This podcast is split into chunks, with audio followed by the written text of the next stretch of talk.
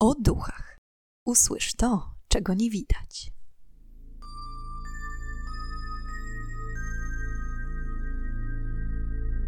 Witam i pytam, czego dusza pragnie. Strasznie miło mi gościć Was na moim kanale. W dzisiejszym odcinku przybliżę Wam historię nawiedzonego apartamentowca znajdującego się na nowojorskim Manhattanie. Czy to prawda, że budynek nawiedza duch samego Johna Lennona? Jeśli jesteście ciekawi, to już nie przedłużając, zapraszam do wysłuchania dzisiejszej historii.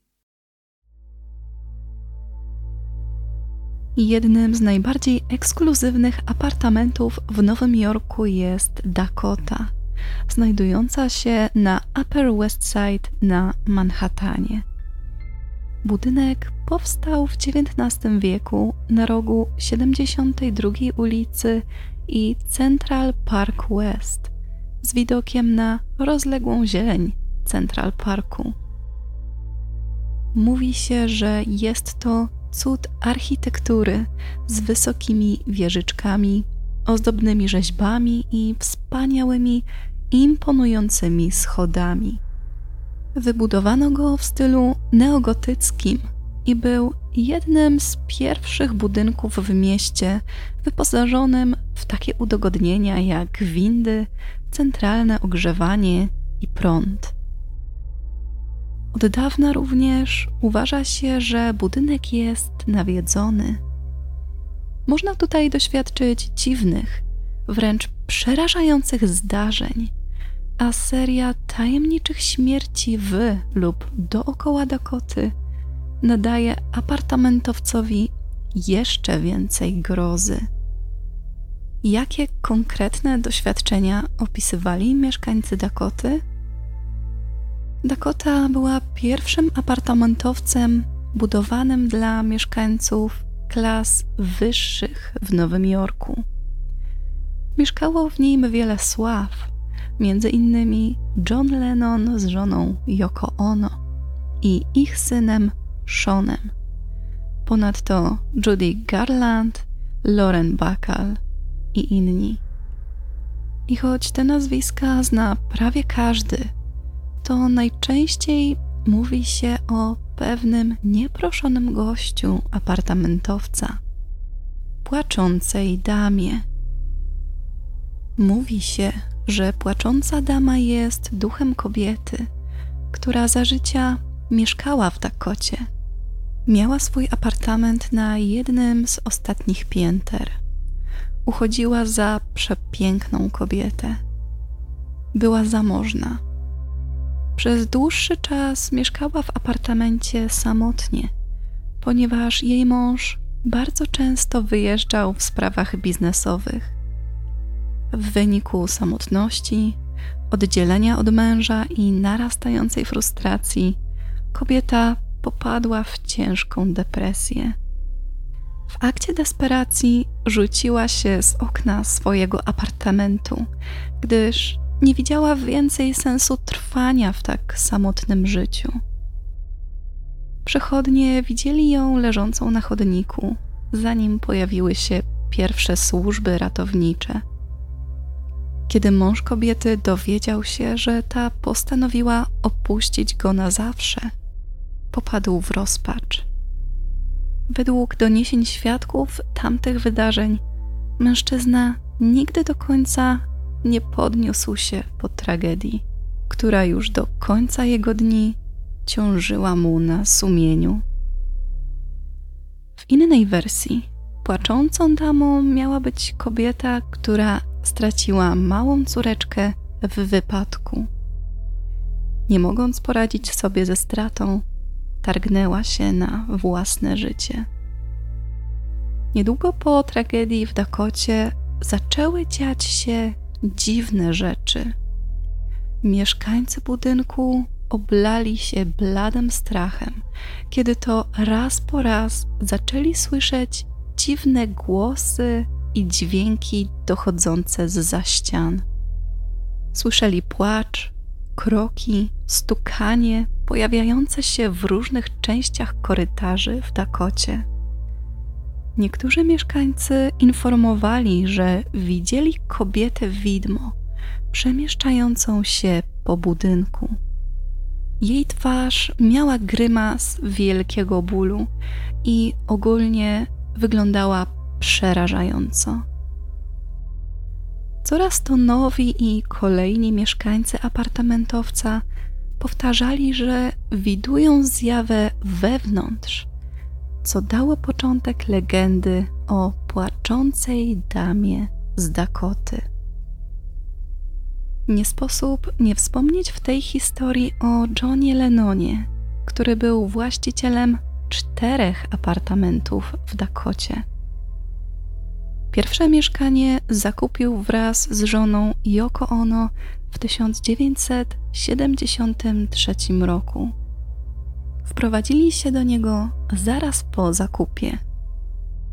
Mieszkanie znajdowało się na siódmym piętrze budynku i było przestronne, z wysokimi sufitami i dużymi oknami, z których roztaczał się wspaniały widok na miasto.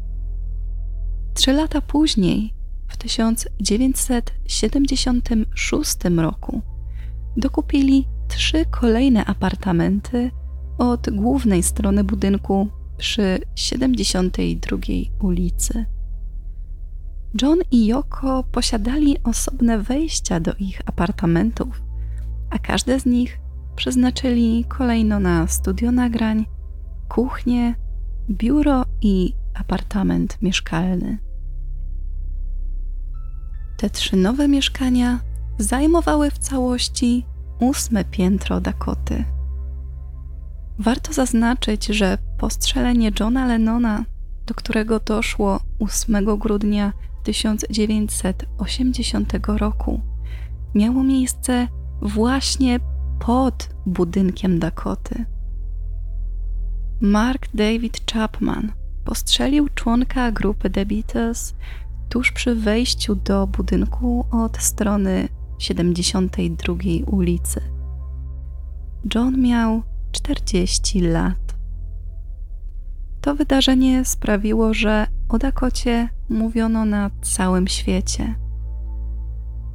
Ale jak zauważa wiele osób przebywających wewnątrz budynku, duch Johna również miał dołączyć do płaczącej damy i nawiedzać mieszkańców apartamentów. Świadkowie mieli widzieć Johna, jak opiera się o ścianę, przy której został zaatakowany. Miał ubrany swój charakterystyczny, biały, świecący garnitur. Inny mieszkaniec widział ducha Lenona przechadzającego się korytarzem wewnątrz Dakoty. Wokół niego roztaczało się białe światło. Z kolei inna osoba, będąca świadkiem obecności ducha muzyka, chciała z nim porozmawiać, jednak w ostatniej chwili zrezygnowała, widząc jego wyraz twarzy. Nie wiemy dzisiaj, jak owy wyraz miał wyglądać. Sama Yoko Ono niejednokrotnie opowiadała, że widziała Johna w mieszkaniu, siedzącego przy swoim białym pianinie.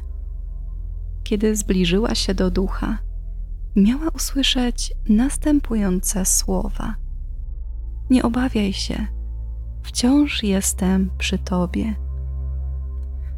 Uważa się, że duch Lenona jest obecny w Dakocie albo ze względu na to, że właśnie przy niej został pozbawiony życia, albo to dozgonna miłość i oddanie ukochanej sprawia, że nie opuszcza jej po dziś dzień, ponieważ Yoko Ono nadal mieszka w Dakocie, z tego co wyczytałam.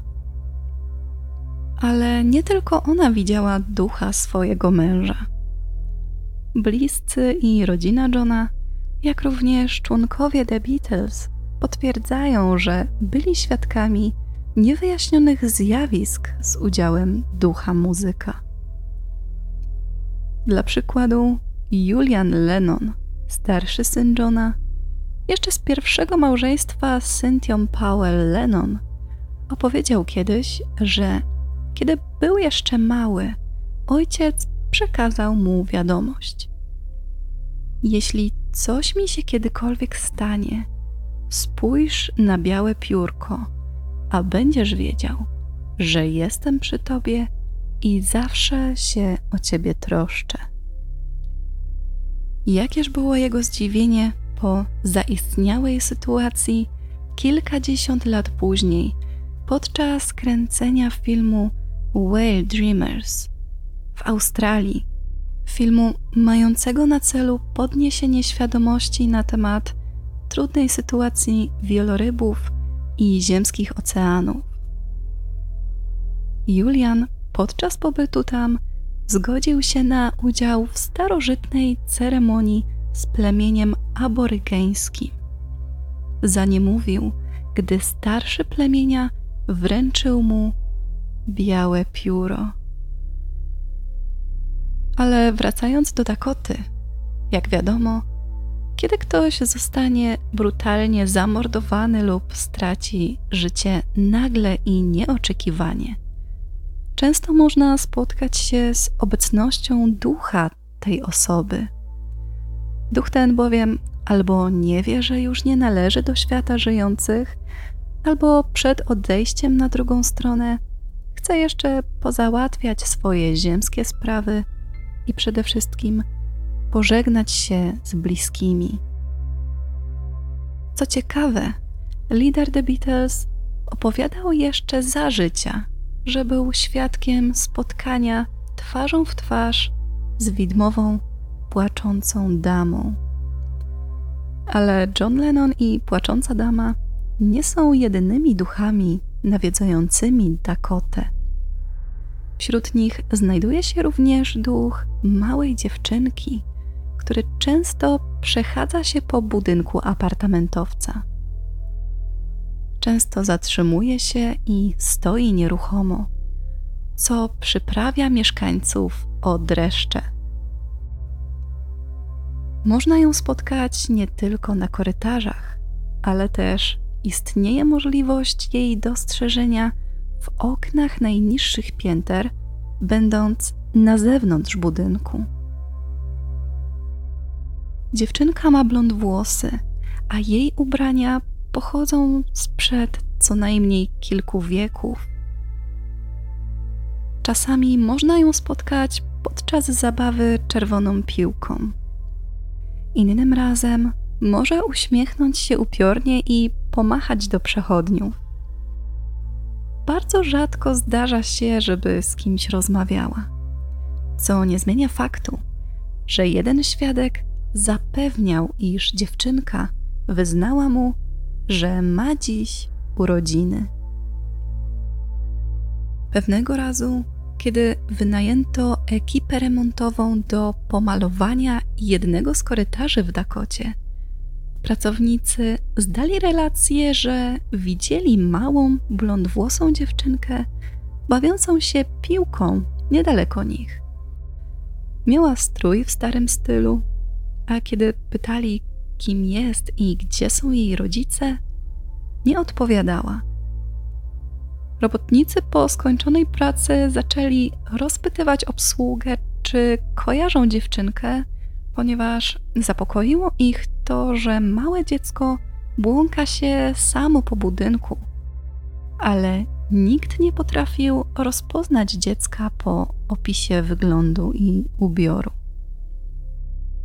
Wiele osób do dziś przekonuje, że widuje małe dziecko uśmiechające się i machające przechodnią z okien na parterze.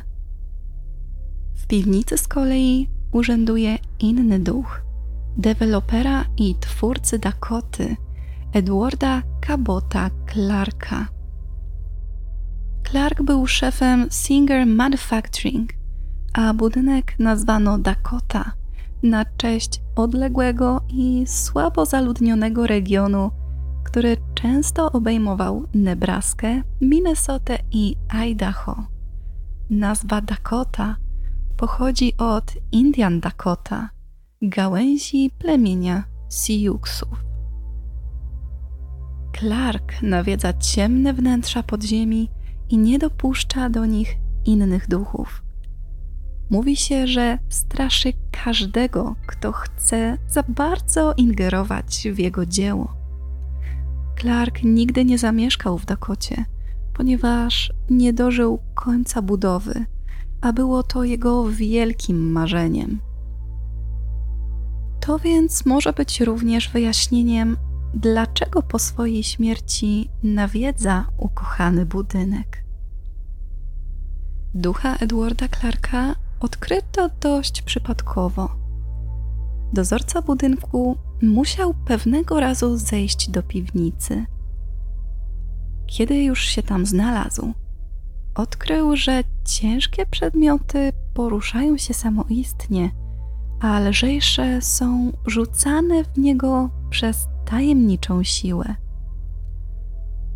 Kiedy wielki metalowy pręt przeleciał mu koło głowy, mężczyzna przerażony wybiegł z piwnicy i poprosił o interwencję w celu znalezienia włamywacza, ponieważ był przekonany, że ktoś chce obrabować piwnicę.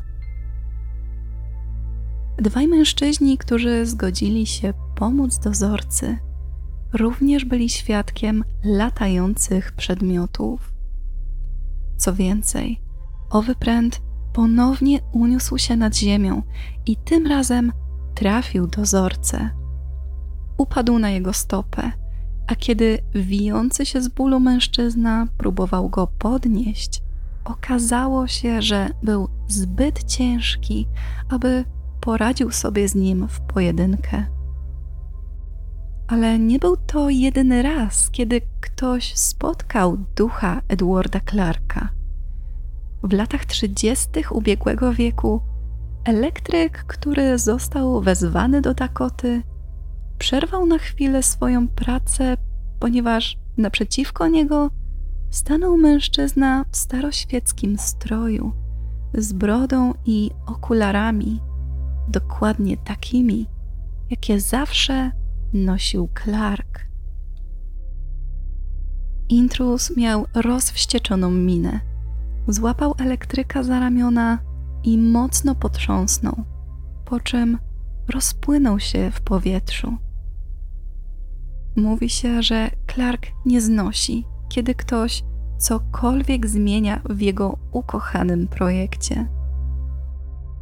Przez lata mówiło się o wielu duchach nawiedzających Dakotę. Kilkadziesiąt lat temu widziano przechadzającego się mężczyznę w peruce, raz samego, innym razem prowadzącego dziecko za rękę. Tego samego mężczyznę widywano także w oknach. Duch małego chłopca również nawiedza budynek. Pracownik budowlany, pracujący w Dakocie pod koniec lat 60. ubiegłego wieku, zeznał z kolei, że widział w oknie postać dorosłego mężczyzny z twarzą małego chłopca.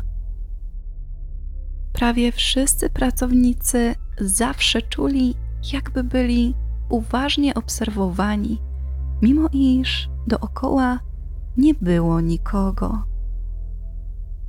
Warto również wspomnieć przy okazji tej historii o znanej aktorce Judy Holiday. Judy ostatnie lata swojego życia mieszkała właśnie w Dakocie. Zakupiła apartament w 1965 roku. Po jej śmierci postanowiono odmalować ściany i wstawić nowe meble. Kiedy malarze pracowali w apartamencie Judy, czuli nieustannie czyjąś obecność. Było to coś lekko przerażającego i napawało ich niepokojem. Mówi się, że Judy chciała osobiście dopilnować remontu w mieszkaniu. Z kolei niejaki Frederick Weinstein mieszkał wraz z żoną na innym piętrze Dakoty. Twierdził, że również i on był nękany przez duchy budynku. Pewnego dnia Weinstein wracał do domu z pracy, kiedy zauważył przez okno, że piękny, kryształowy żyrandol świeci u niego w salonie, mimo że nikogo w tamtym czasie w domu nie było. Obserwował chwilę okno, stojąc na 72 ulicy. Co więcej, był pewien, że w jego mieszkaniu nigdy nie było takiego żerandola. Pomyślał więc, że może to jego żona Suzanne zrobiła mu niespodziankę i zakupiła taką piękną ozdobę do salonu. Kiedy jednak wszedł do mieszkania, spostrzegł, że wszystkie światła są zgaszone, a w salonie nie ma żerandola. Zamiast tego, w miejscu, w którym jeszcze przed chwilą go widział, znajdował się zestaw śrub powkręcanych do sufitu. Co ciekawe, kultowy film Romana Polańskiego Dziecko Rosemary był kręcony w Dakocie i nieco wzorował się na doniesieniach o nawiedzonym budynku. Mówiono, że film ten został przeklęty, ponieważ niektóre osoby biorące w nim udział straszliwie ucierpiały po jego premierze. Kompozytor, który napisał muzykę do filmu, Krzysztof Komenda, zmarł kilka miesięcy później z powodu urazu głowy, którego nabawił się po upadku. Miał zaledwie 37 lat. Po premierze filmu producent William Castle pogrążył się w depresji i zdiagnozowano u niego kamicę nerkową. Będąc w szpitalu i mając majaki, podobno wykrzykiwał dziwne zdania, jakby nawiązujące do filmu. Rosemary, na litość boską, odłóż ten nóż. Mężczyzna nigdy więcej nie zagrał w żadnym hicie filmowym. Ponadto chyba każdy wie, co spotkało żonę Romana Polańskiego. Morderstwo z rąk rodziny Mansona. Z kolei małżeństwo pisarza Ira Lewina rozpadło się wkrótce po premierze filmu. Ponadto Lewin był prześladowany za demonizowanie religii w książce. A jeśli chodzi o Dakotę, mieszkańcy budynku przez dziesięciolecia zgłaszali niewyjaśnione dźwięki, takie jak tupot małych stópek po ich mieszkaniach, śmiechy, płacz czy pukanie i szuranie paznokciami o ściany. Ponadto często byli świadkami, jak przedmioty w ich mieszkaniach przemieszczały się samoistnie. Nawet tak duże i ciężkie jak dywany i meble. Dakota to zdecydowanie jeden z ciekawszych budynków w Nowym Jorku, a na pewno jeden z najbardziej nawiedzonych. Jestem ciekawa, co sądzicie o jego historii. Na dziś są to już wszystkie informacje, ale zanim się pożegnamy, chciałam jeszcze zapowiedzieć Wam niespodziankę, jaką przygotowałam na najbliższy tydzień. Z racji zbliżającego się Halloween, na kanale codziennie będzie pojawiać się nowy odcinek co prawda krótki, ze strasznymi, halloweenowymi historiami, jakie znalazłam w zakątkach internetu bądź we fragmentach książek.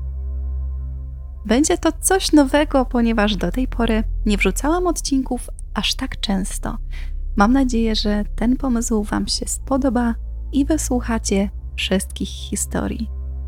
Dziękuję Wam za dziś i już teraz zapraszam Was na kolejny odcinek podcastu o duchach, w którym ponownie zadamy pytanie, czego tym razem dusza zapragnie. Do usłyszenia.